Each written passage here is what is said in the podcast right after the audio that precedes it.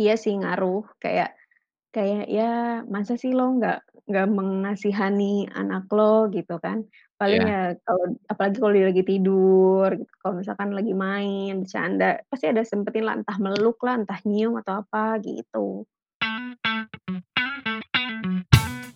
Secangkir Podcast, obrolan santai bareng Rizky dan teman-temannya. Kadang kita serius, kadang lucu, tapi bermanfaat. Yuk dengerin.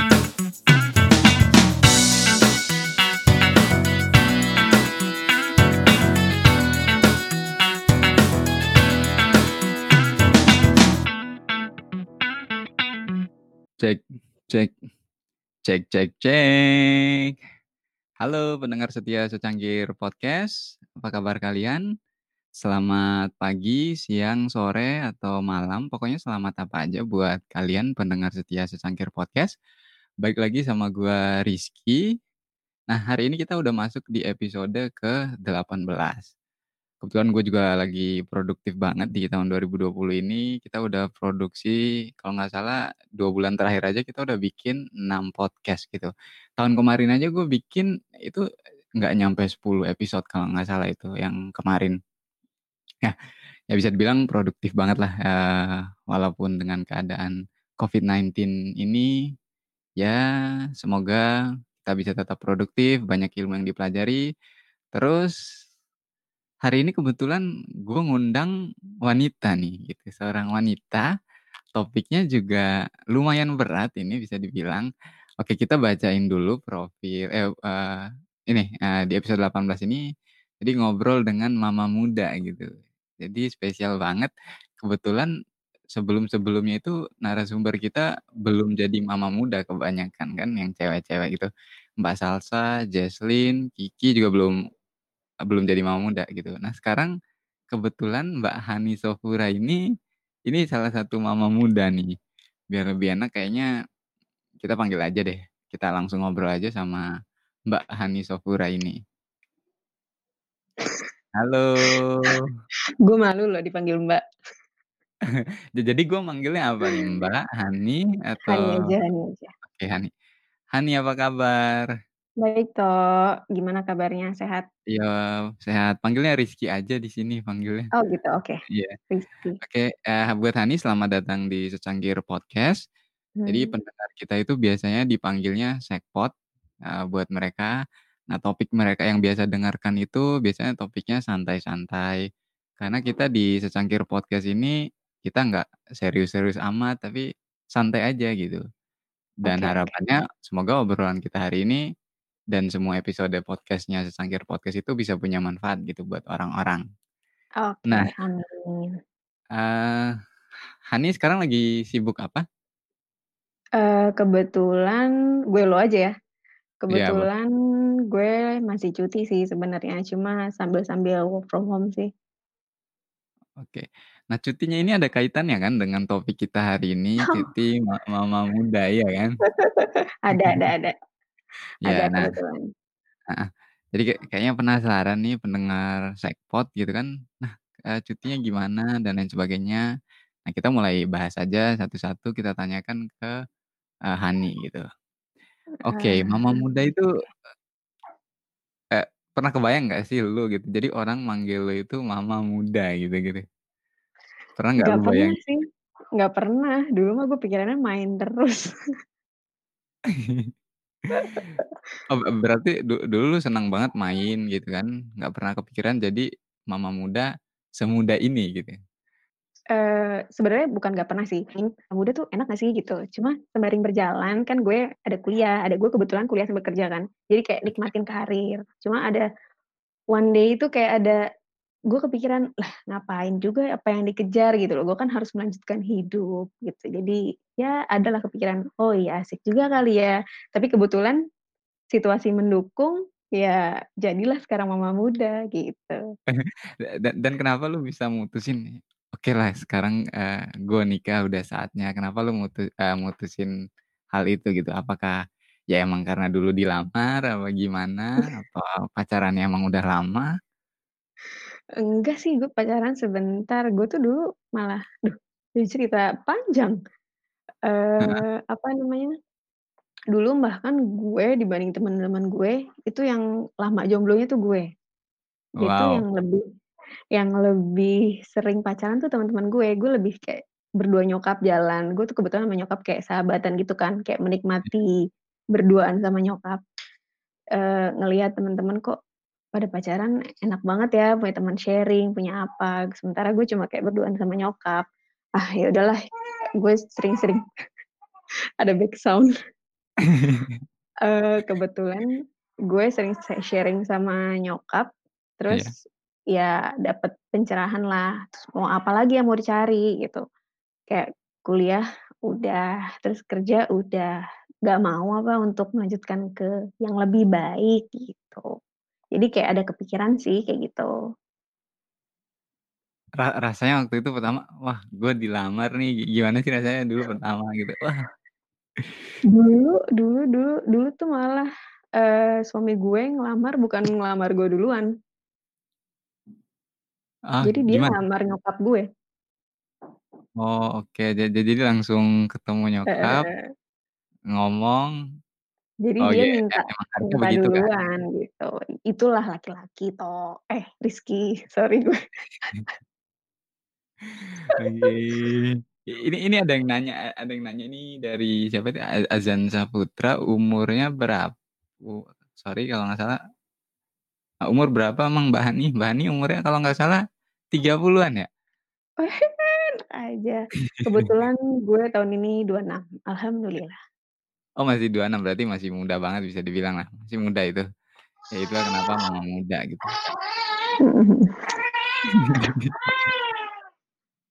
Seru ya? Iya iya. Oke, itu kayaknya anaknya Nah, se sekarang kalau nggak salah udah punya 2 ya, udah udah punya 2 apa 3 bayi sih? 2 bayi kecil apa 1 bayi gede ya kalau nggak salah ya?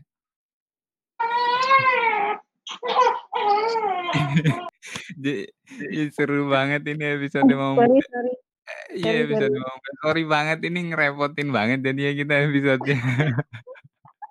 Seru ya, ribet ya? Nah, sekarang kalau nggak salah udah punya 2 apa 3 ini sih, Dua eee, dua bayi? dua. Oh Dua. 2 Gue bayi kecil ikutin sama pemerintah sih kebetulan. Oke oke oke. Nggak nggak ada niat mau nambah? Eee, untuk sekarang nggak dulu. Oke. Alhamdulillah dulu. Oke, eee, gue penasaran nih Yan sama ter terutama yang pertama gitu kan, yang pertama anak pertama, dulu ketika Mhm. lu hamil anak pertama itu itu kan pertama banget tuh, lu belum punya pengalaman apa-apa gitu kan, i it's the first time gitu. Yang lu rasain Iya. waktu itu gimana sih kepanikan lu? Terus Panik kebingungan banget lu? sih, kayak ge gue sempet baby blues sih sebenarnya waktu lahiran si Kiara anak pertama gue. Jadi Iya. tuh emang ya namanya juga ya alhamdulillah dikasih amanah, jadi belum lama gue nikah, selang 3, 4 bulan gue hamil. Kan masih dalam awal-awal pernikahan tuh, Iya. masih tahap-tahap ngenal lah, ngenal-ngenal suami. Nah terus, ya udah habis lahiran tuh apalagi gue kan sesar ya, eee, at least sesar tuh recovery-nya agak lebih lama gitu. Nah, kayak ngerasa, "Gila ya berat banget jadi ibu, udah ngerasain sakit, terus harus begadang, terus belum mikirin" ya secara gue juga masih kerja waktu itu kan, eee, Iya. gue tuh emang kerjaan gue kadang tuh nggak kenal waktu. Jadi kayak gue sebenarnya harus standby. Itu kayak, aduh gila, pikiran gue tuh kayak anak, rumah, kerjaan. Jadi tuh kayak belum siap segini ya, tapi lama-kelamaan sih ngejalanin ya alhamdulillah. Sampai sekarang gue survive.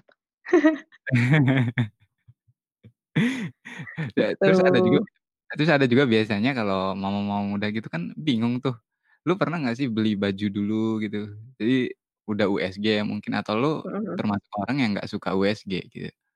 Oh gue USG tiap bulan, karena gue Bu orangnya kayak penasaran worry sih, kayak gue pengen tahu perkembangannya tuh kayak gimana, terus kayak ya penasaran lah kayak, pasti nanti so lo calon ibu akan kayak kangen, ada masa-masanya kangen lo pengen ngelihat walaupun lewat USG doang sih gitu. Oke, Nanti terus Rizky merasakan kok, nemenin seorang ibu. Oke oke. Ya, nah, eee, wak waktu itu lu penasaran sampai penasaran lu sam sempet beli baju, beli kan ada kan ibu-ibu tuh beli baju, beli namanya, kaos kaki dan lain sebagainya, itu lu lakuin nggak dulu? Beli sih, cuma kan katanya ada mitos harus 7 bulan dulu kan, di bawah itu katanya pamali, gitu. Oh. Masih ngikutin kayak gitu-gitu sih gue.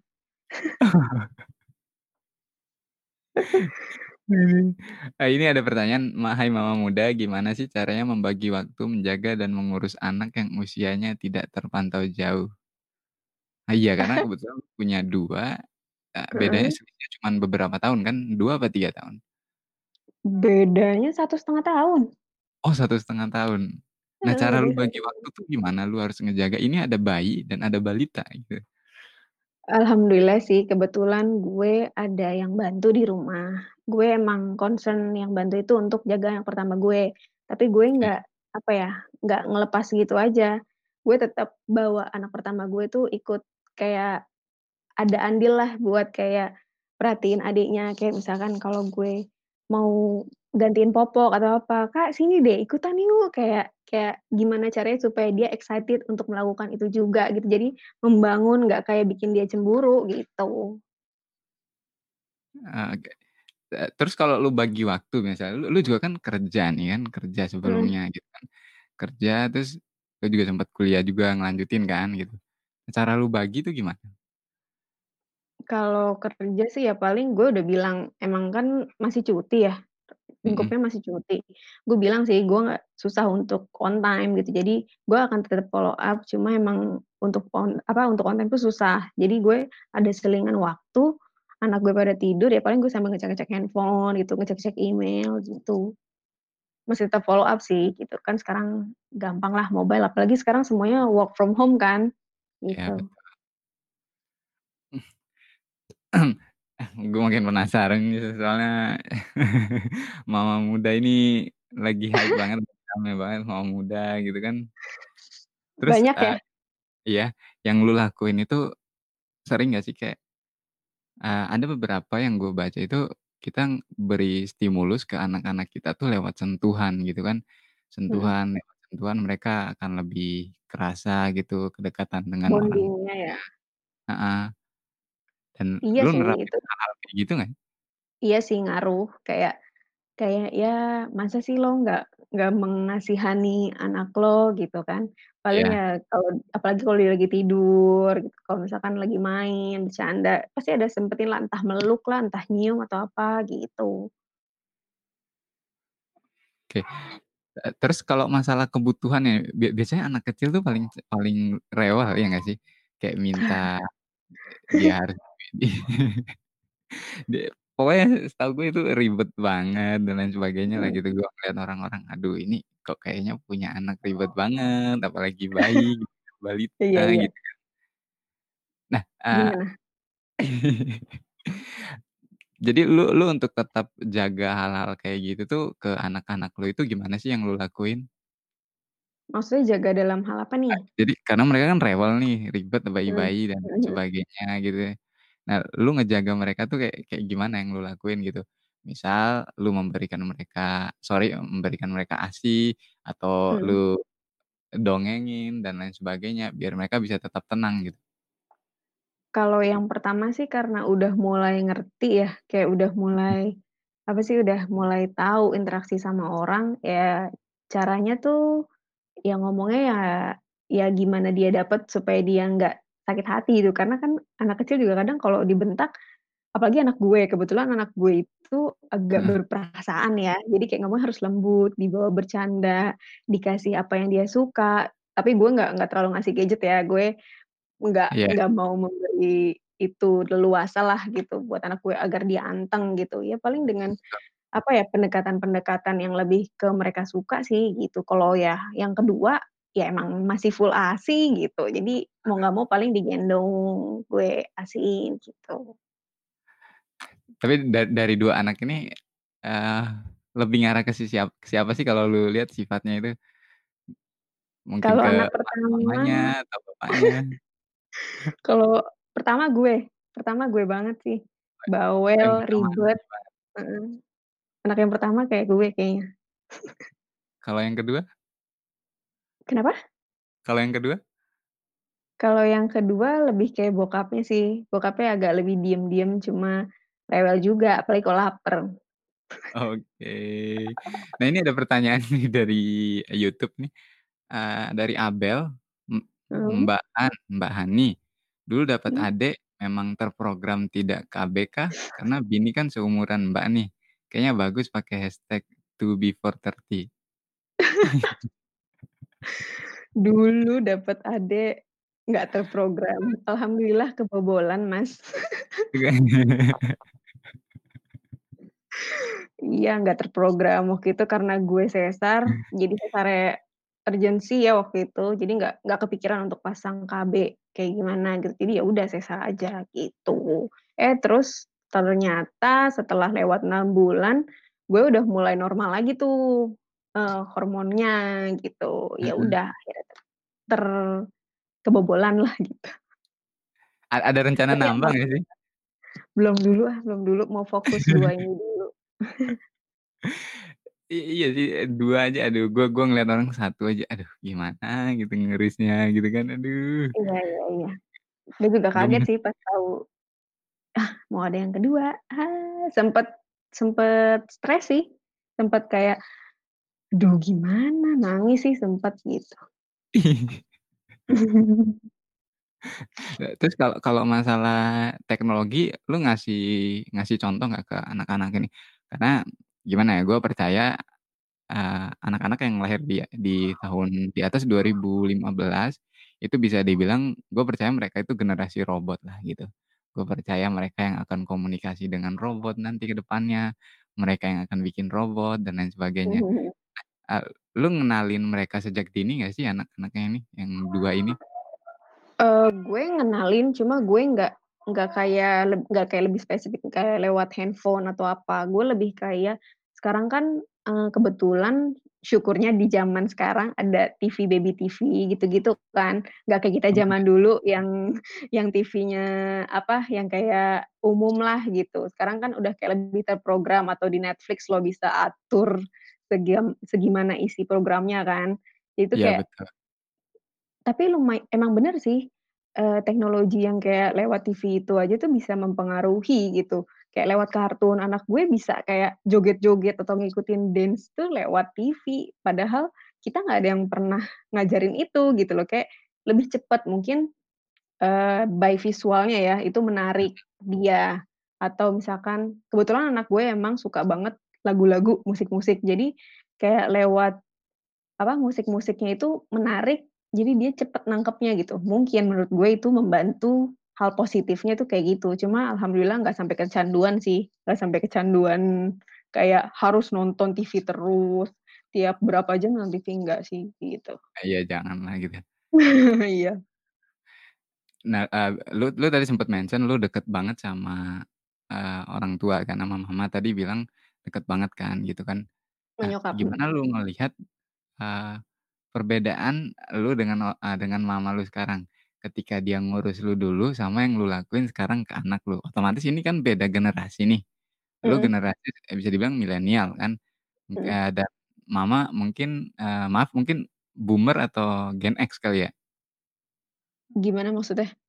Generasinya generasi Oh. boomer. Oh iya. Heeh, ini kan beda Jadi nih. Iya. Nah, gi gi gimana lu ngelihat, "Oh ini beda ternyata cara emak gua ngurus gua dengan cara gua ngurus anak-anak gua sekarang," gitu. Nah Iya gimana lu beda nyikapin sih. hal itu? Iya, gue lebih, apa ya, introspeksi lagi sih sebenarnya. Ya gue sekarang pun itu karena hasil didikan nyokap gue kan, gue bisa se-tough ini juga karena nyokap gue, nggak mungkin kalau nggak karena nyokap gue, gue bisa sampai 2 anak begini, masih survive, nggak mungkin nggak karena dia. Cuma mungkin dengan teknologi balik lagi sih ke teknologi informasi yang ada zaman sekarang itu, kayak bikin kita tuh lebih terbuka, gitu loh. Kan sekarang kan banyak kan info-info kayak Ibupedia lah, tentang, Mhm. parenting lah, lebih banyak kan, tentang Betul. apa dampaknya, tentang apa nih akibatnya gitu, kenapa bisa kayak gini gitu. Jadi, lebih kayak gue ke nge nge-reduce lagi gitu loh, apa yang harus gue lakuin. Oh, misalkan marahin nggak boleh ngebentak, tapi dengan marahin ngasih tahu pelan-pelan atau Mmm. dengan saat dia bercanda, jadi lebih cepet nangkepnya ke anak itu jadi dia lebih nyerap gitu loh, ngerti nggak sih? Iya. Heeh, gitu. Nah, eee, kalau menurut lu nih, ini kan ad beda nih gitu. Nah, plus minusnya gimana sih kalau menurut lu? Dari kedua didikan ini kan pasti beda nih cara lu juga lu Mhm. pasti ngambil, "Oh ini caranya salah," mungkin ada kan gitu, pasti ada yang Mhm. salah, terus Mhm. lu ngambil yang positifnya aja gitu. Nah lu, eee, ngelihat hal-hal itu tuh kayak gimana? Eee, jujur kalau nyokap gue didiknya sih agak keras ya, kayak lebih Heeh. agak keras kayak apa, militer kali, nggak tahu. Pokoknya kayak kayak lebih, "Enggak ini gini gini gini gini," gitu. Tapi kalau misalkan sekarang tuh agak lebih longgar, cuma masih tetap dalam structure-nya gitu. Kayak, Heeh. "Oh ya udah Kakak mau kayak gini, tapi kayak gini ya," gitu. Kayak kita lebih memberikan dia kesempatan untuk explore gimana caranya dia untuk Mhm. memutuskan suatu hal gitu, bertindak sesuatu, tapi kita tetap tetap awasin gitu. Kalau dulu kan gue jujur ya, dulu kayak lebih ke strict gitu loh, kayak yang, "Kayak gini, harus gini, kamu tuh gini gini gini gini, nih, ini tuh nggak baik ini," yang kayak lebih ke gitu loh. Secara Iya. semua itu yang hasilnya oke gitu, mau mau lo babat semua, mau kasar atau gimana, tapi kasarnya nggak fisik ya, tapi lebih kayak lebih tegas gitu. Betul. Oke Kak, Mhm. karena kayaknya gue, eee, makin lama makin dalam nih ngebahas yang kayak gitu dan sebagainya, ini gue stop dulu dikit, gue mau nanya-nanya yang lain lagi. Ini kan lu udah punya anak nih kan, lu pasti sebelum nikah atau setelah nikah tuh lu punya impian pasti kan? Ada hal Mhm. yang belum lu lakuin sebelumnya, sebelum jadi mama muda mungkin gitu. Lu masih kepikiran Mmm. buat nerusin sekolah lagi nggak sih? Dulu iya. Jadi itu eh, gue cerita agak flashback lagi ya. Iya. Jadi sebelum gue sebelum gue nikah, setahun lah, setahun ya? Setahun deh kalau nggak salah setahun, gue itu kan kerja di kantor sebelumnya, kebetulan head office gue di Singapura. Iya. Terus, eee, kayak sempet ad mau ada promotion gitu loh, kayak, "Siapa Heeh. nih yang mau ikut?" Gitu, mau pindah ke sana. Gue udah sempet juga sih pas lagi main juga mampir ke kantor HO, udah ngomong-ngomong gitu. Udah sempat lihat-lihat dorm, lihat-lihat rental Iya. rumah gitu segala macem deh, kayak udah kebayang, "Wah anjir gila gue semudah ini bisa survive sendiri di negeri orang, segitu-gitu punya penghasilan, gue balik bisa beli rumah," segala macam.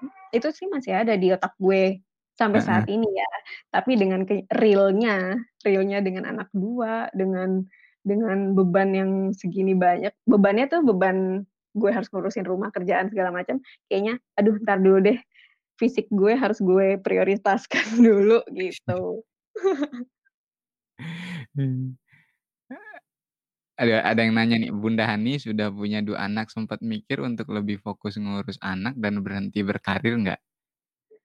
Sempet. Sempet sempet sempet. Dan kenapa lu memutuskan hal itu? Untuk tetap lanjut fokus ngurusin anak? Mmm. Gue masih agak passion kayak belum belum berani di rumah doang sih, gue emang anaknya dari dulu apa ya, kayak kalau kalau nggak ada kesibukan kayak susah gitu, malah bete di rumah. Jadi kayak belum siap untuk ninggalin kerjaan, apalagi gu gue sekarang tuh kayak masih enjoy comfort di bidang gue ini gitu, yang gue lakuin sekarang ini, gitu. Oke. Terus ha habis ini ngelanjutin karir lagi nggak? Kan ini Pengen lagi sih. cuti nih, lagi cuti cuti Mhm apa? mhm. Bukan cuti Cuti hamil ya, cuti apa sih? Maternity leave gue. Oh gitu, oke. Apalah Mhm. itu. Ha habis ini la lu ngelanjutin lagi petualangan berkarir lu, gimana? Eee, Apa lanjutin memilih sih. untuk jadi ya mama muda terus di rumah? Masih belum sih kalau untuk stay at home full time, nggak dulu deh gitu, kayak masih belum belum berani untuk ngambil resiko itu, gitu. Gue juga masih mau nabung gitu. Kan nggak memungkiri finansial kita juga kan bertambah pengeluarannya, gitu. Mhm. Dan lu juga gue lihat masih penasaran gitu kan, banyak hal yang pengen lu lakuin juga Explore. gitu. Iya iya. Bener bener. Terus, eee, ke depannya tuh lu punya rencana nggak sih? Kayak mungkin travel dengan anak-anak gitu dan lain Oh sebagainya? iya dong, abis ini setelah corona, gue pengen banget jalan-jalan, tapi kayaknya nunggu anak kedua gue agak gedean sih. Ribet kayaknya, masih umur segini. Iya sih gara-gara corona ini, aduh ribet semuanya Iya apa-apa kan, gitu. jadi kayak lo tuh terbatas semuanya mau ngapain juga susah. Iya, tapi kayaknya buat gua enggak sih, karena gua dari dulu di rumah gitu. Oh iya iya, kayaknya untuk untuk seorang Rizky itu fine-fine aja gitu, Aduh. possible Iya, untuk melakukan seorang apa pun di rumah, introvert iya. heeh, seorang intro introvert kayak gua gitu, kayaknya Heeh nyaman aja heeh. di rumah gitu. Tapi ba ini ini bayi kan, ngomong soal ada bayi, ada balita di Mhm. Covid. Lu nyetoknya gimana sih sekarang? Otomatis sekarang supply itu Mhm. berkurang dan lain sebagainya, itu masih tetap terpenuhi nggak sih sekarang kead keadaan kayak gini? Alhamdulillah sih, alhamdulillah masih ya, karena kebetulan banyak online kan, jadi terbantu sih dengan itu. Mungkin kalau emang untuk bahan-bahan segar, gue nitip suami untuk keluar atau gue nyolong-nyolong waktu sebentar untuk keluar ke supermarket gitu. Karena kan bahan segar nggak mungkin kita nyetok banyak ya, cepet basi. Iya, betul. Ada backsound lagi. Nah gini nih, pendengar Sengkot ya kalau kita lagi ngobrol sama mama muda ini. Nggak papa, mereka jadi merasakan kalau judul lo itu real gitu. Iya ini real banget jadinya Ya kerasa kan? feel-nya tuh kerasa iya. Aduh, terus, eee, yang bikin lu penasaran banget saat ini apa sih? Se ya selain jadi mama muda. Mmm, bikin penasaran banget. Heeh, Kayaknya gue belum sampai into the on top-nya gue dalam berkarir sih. Gue merasakan itu. Kayak Oke. kayak apa ya, oke gue masih meniti terus gitu, masih apalagi masih muda, terus kayak dengan 2 anak ini kayak cukup challenging buat gue untuk gimana caranya gue untuk maintenance karir gue, maintenance kehidupan di rumah, maintenance anak-anak gue juga, itu kayak masih menikmati dalam fase itu dulu gitu. Nanti once ada kesempatan, gue akan melanjutkan gimana caranya into the on top dalam karir gue, gitu. Oke. Nah menarik sekali. Terus, eee, ini gue juga pen penasaran nih, mungkin, eee, Mhm. pendengar Sengkot juga penasaran. Lu kan Mhm. otomatis tiap hari ngurusin anak-anak kan gitu. Mhm. Nah, di saat lu sela-sela mereka nggak nangis gitu, nggak teriak-teriak, Mhm. nggak pokoknya nggak deket sama lu, lu tuh ngapain sih waktu senggang lu itu? Ketika nggak Masak. Masak, Masak? kebetulan gue melakukan hal yang membuat gue senang, masak dan nonton TV, nonton film sih sebenarnya. Karena apa ya, menurut gue itu ngebantu banget buat gue tetap waras gitu. Gitu. Ma masaknya kayak masak apa sih? Penasaran gua, eee, biasanya mama-mama muda tuh masak apa sih? Kalau gue lebih senang masakan rumahan ya, karena gue mencintai sekali masakan rumahan yang gampang-gampang aja gitu, yang penting menyalurkan kepuasan gue dalam makan gitu, kan makan bikin happy ya. Jadi kayaknya Heeh, tuh iya. biar gue tetap waras gitu, gue seneng, "Gue mau makan apa ya? Oh ya gue masak," gitu. Nah, re resep favorit lu apa yang lu bikin sendiri? Apa ya, gue suka daging sih, paling bikin Oh. steak. Steak gampang steak gampang di rumah gitu, apalagi sekarang kan susah makan di luar ya, jadi buat aja di rumah Iya. gitu. Ka kalau makanan buat anak-anak? Kalau buat anak-anak, gue kadang yang untuk pertama, eee, anak yang pertama udah gue samain sih, cuma kan gue udah masak non-MSG gitu, jadi aman lah untuk sharing-sharing, paling dipisahin aja pedas atau nggak pedas gitu. Jadi tetap untuk menjaga kewarasan gue, gue nggak repot masak segala macem, jadi samain aja gitu. Oke, me menarik, eee, obrolannya.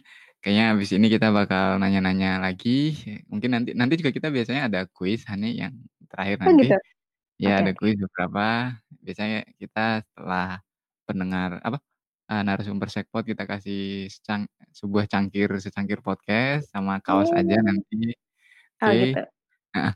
Nah, eee, lu kan mama muda nih, eee, Mmm. apa yang lu harapkan tahu sebelum lu jadi mama muda gitu? Apa Jadi apa? lu Sorry sorry. jadi apa yang paling lu harapkan tahu lebih awal sebelum lu jadi Mhm. mama muda ini? Mmm, waktu sih, kayak waktu Wak untuk diri sendiri.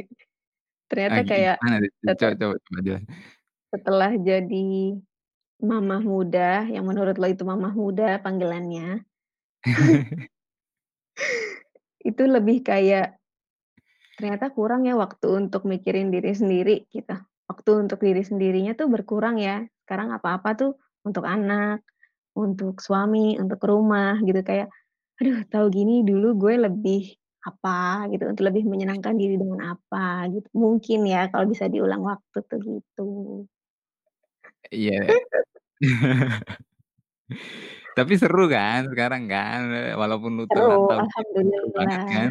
Iya. Seru banget, menikmati sekali, gitu. Eee, terus, i otomatis lu sekarang ngurusin 3 bayi kan gitu, lu 2 2 Ya 2. bisa dibilang 3 lah ya, ada 1 Oh. bayi gede juga kan gitu. Oke oke. Bawa eee, sorry nih, eee, pernah cemburu nggak sih bayi yang gede itu ketika lu selalu ya terlalu dekat dengan bayi-bayi kecilnya? Oh enggak, alhamdulillah. Dia ikut andil kok dalam membesarkan anak-anak gitu, alhamdulillah enggak, pengertian. Ya karena ini anaknya banyak banget, 3 ya. Baik, 3. Oke, eee, i ini pertanyaan terakhir sebelum kita masuk Mhm. ke apa, eee, kuis nanti. Mhm. Eee, ada pertanyaan nggak yang belum gua tanyain, tapi harusnya gua tanyain ke lu di di podcast ini? Eee, ada sih. Apa tuh? Lo nyesel nggak jadi mama muda? Oke, silakan dijawab. Enggak, enggak sama sekali nyesel, justru malah bersyukur, kayak malah membuat, apa ya, hidup lo tuh lebih banyak artinya, banyak hal-hal di belakang lo yang bikin lo lebih semangat hidup, gitu. Kayak kalau lo sakit kayak mikir, "Aduh gue nggak boleh sakit nih, karena banyak yang" "berpengaruh kalau gue sakit," gitu. "Anak entar gimana? Entar emak gimana?" Iya kan, jadi kayak lebih banyak semangat hidupnya, gitu. Iya betul. Ya Oke, kan? mantap sekali penjelasannya gitu, itu nggak gua tanyain dari tadi ya. Oke, Iya. sekarang kita masuk ke kuis, Hani, ya Mhm. kita masuk ke kuis, biasanya pertanyaannya santai-santai aja pertanyaan kita, kalau mau minum, minum dulu sambil Oh, enggak enggak, oke oke, nyari santai rokok santai. dikit. Silahkan silahkan. Udah udah ready nggak? Oh, oke. Ini Oke. flash question atau gimana nih? Apa? Ini kuisnya kayak kayak gimana nih? Eee, kita nanya biasanya ada 3 pertanyaan, simpel banget pertanyaannya, jawab sesuka lu aja, sebeba bebas terserah lu, tapi nggak ada relasinya dengan mama muda kok pertanyaannya. Oke. Oke, pertanyaan pertama. Gimana cara lu jelasin warna biru ke orang yang, sorry, buta? Ke orang yang buta?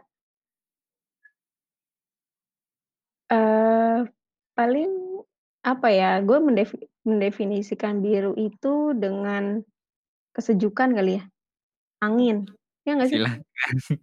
Iya kan, itu loh yang ad yang buat lo ngademin, mungkin gue gitu kali ya.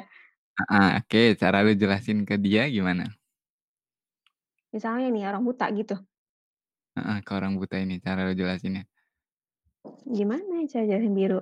Eee, biru itu yang membawa ya pokoknya yang bikin tenang, ses eee, hal yang membuat lo tenang, biru itu yang bikin lo sejuk, mungkin kayak gitu ya, lebih lebih dengan kayak mungkin dia merasakan kan, orang buta bisa Iya. merasakan kan? Jadi kayak yang, ini loh, eee, dia tuh lebih halus, bawaannya tuh warm atau gimana gitu, kayak lebih lebih yang ngasih tahu dengan cara dia bisa merasakan, jadi dia dapet feel-nya gitu, gitu kali ya. Gue Iya. ngasal. Ya kebanya kebanyakan emang, eee, jawabannya jadi ya mayoritas tuh ada yang, apa, nggak ada yang bisa jawab ini, kadang jawabannya aneh-aneh gitu, bukan Oh pakai gitu? rasa heeh. Jadi dari 18 episode ini kita selalu nanyakan itu, aneh-aneh pokoknya jawabnya, gitu. Heeh. Dan emang jawabannya kalau orang buta mungkin pakai rasa ya, itu bener pakai rasa mhm. gitu. Kayak warna merah kan kita ngasih tahu panas gitu, api gitu, Heeh heeh. dan sebagainya. Nah kalau biru, ya bener sih bisa dibilang sejuk, Iya. lembut, ya. Iya. tapi karena lu udah berhasil jawab ini, Mmm. sebenarnya jawaban yang kita pengen ini, lu ketika ngelihat layar Chatbot ini ngelihat warna apa sih? Biru? Iya. Jadi jawaban yang kita pengen tuh ketika nanya itu secangkir podcast gitu. Oh, oke. Iya Oke, emang tapi emang jawaban benar. nanti Oh dapat gitu. kaos. Ah, thank you. Oke, eee, pertanyaan berikutnya yang kedua. Mhm. Oke, lu lagi berada di laut gitu, lagi ada di Mhm. laut, terus apa yang lu rasakan? Takut. Takut. Iya. Oke. Takut. Takut ya di laut ya? Iya. Kenapa bisa takut di laut? Karena nggak ada yang tahu kapan kita nyentuh dasarnya gitu loh. Oke. Menarik, karena kita nggak Heeh. ada yang oke. Nggak ada yang tahu berapa lama kita untuk nyampe dasarnya, dan Oke, bisa bener. nggak kita nyampe dasarnya, itu kayak sebuah ketakutan gimana caranya untuk gitulah. Heeh, oke, menarik jawabannya. Terus saat lu di tengah laut itu, tiba-tiba ada burung camar gitu lewat gitu, terbang. Apa yang lu pikirkan? Eee, apa ya, ya paling suaranya sih. Suara, lu nggak mikirin Heeh. yang lain? Eee, mungkin dia mau ngambil makanan di laut. Iya nggak? Mungkin. Iya iya, itu yang lagi gue bayangin sih itu, burung Ya, lewat di pikirin laut ada ikan gitu, heeh. Nggak ada yang lain, mungkin teman. Apa ya, enggak sih paling burung, suaranya burung, kayak nyejukin udah gitu doang. Kayak seneng Oke. aja adem denger suara burung. Siap, Gimana yang Reza? biasanya jawaban jawaban dari pertanyaan 2 pertanyaan terakhir ini nggak kita publish gitu, nanti kita mungkin ngobrol lagi di belakang soal jawaban itu. Oke. Nah, eee, sekarang kita masuk di, eee, penghujung acara Secangkir Podcast ini. Nah, dari Hani gitu kan, Hani kan, eee, mama muda nih gitu kan. Tentu pendengar Secangkir Podcast ini pengen denger langsung lah gitu tips-tips dari. Hani, pesan dari Hani, baik itu buat orang yang merencanakan ingin jadi mama muda, atau sedang menjadi mama muda, pokoknya pesan buat pendengar Secangkir Podcast, apa gitu dari Hani? Silahkan. Aduh gue ngerasa kayak, apaan sih menggurui, sebenarnya gue nggak bermaksud seperti itu ya, gue hanya men-share pengalaman aja gitu, entar gue Iya, di-judge nih, kita "Elah di lu sini masih muda aja sok-sok nasehatin," gitu kan gue nggak Heeh. mau. Enggak dong, karena tujuan kita di sini, ya kita ngobrol santai aja, semoga ya ada manfaat lah obrolannya. Oke, eee, paling bersyukur sih, yang pertama bersyukur, jadi jalaninnya enteng. Terus, mmm, yang kedua kayak nikmatin, ya emang itu fasenya gitu, emang itu prosesnya. Pasti kan nggak gue yakin sih nggak selamanya ribet ngurusin anak, nggak selamanya pusing ngurusin rumah tuh nggak selamanya kayak gitu, pasti ada hal di mana yang bikin lo nyenengin gitu. Terus, akan indah pada waktunya lah gitu. Mungkin sekarang gue lagi repot-repotnya ya, lagi kayak jungkir baliknya gitu, gila badan diperes, otak diperes, hati diperes, kayak kayak gitulah. Terus kalau yang terakhir itu kayak, mmm, apa ya, tetep waras sih. Itu penting, tetep waras. Iya, tetap waras.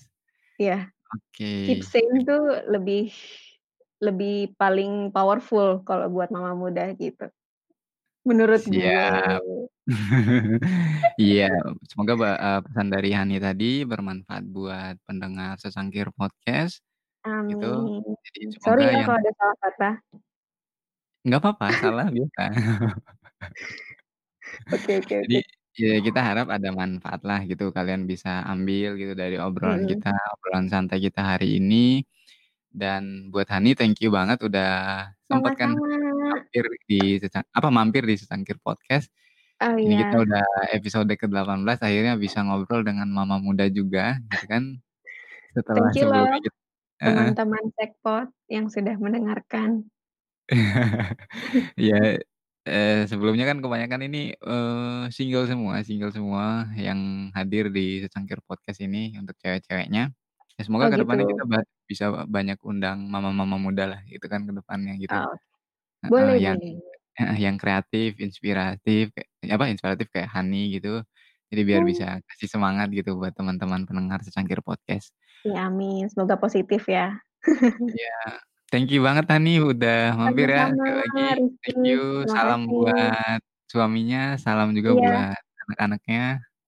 Gitu, jangan lupa kalau udah gede no dengerin Secangkir Podcast nanti. Oh iya, entar gue kasih tahu anak-anak gue, "Ini loh Ibun pernah kayak gini-gini." Oke, thank you Hani. Iya, Assalamualaikum sama-sama. warahmatullahi wabarakatuh. Waalaikumsalam. Thank you, Sekpot. Terima kasih sudah mendengarkan Secangkir Podcast. Jangan lupa favorit kita di Anchor.fm dan berikan review di Apple Podcast. Dan follow kita di Spotify juga. Sampai jumpa di episode berikutnya. Bye.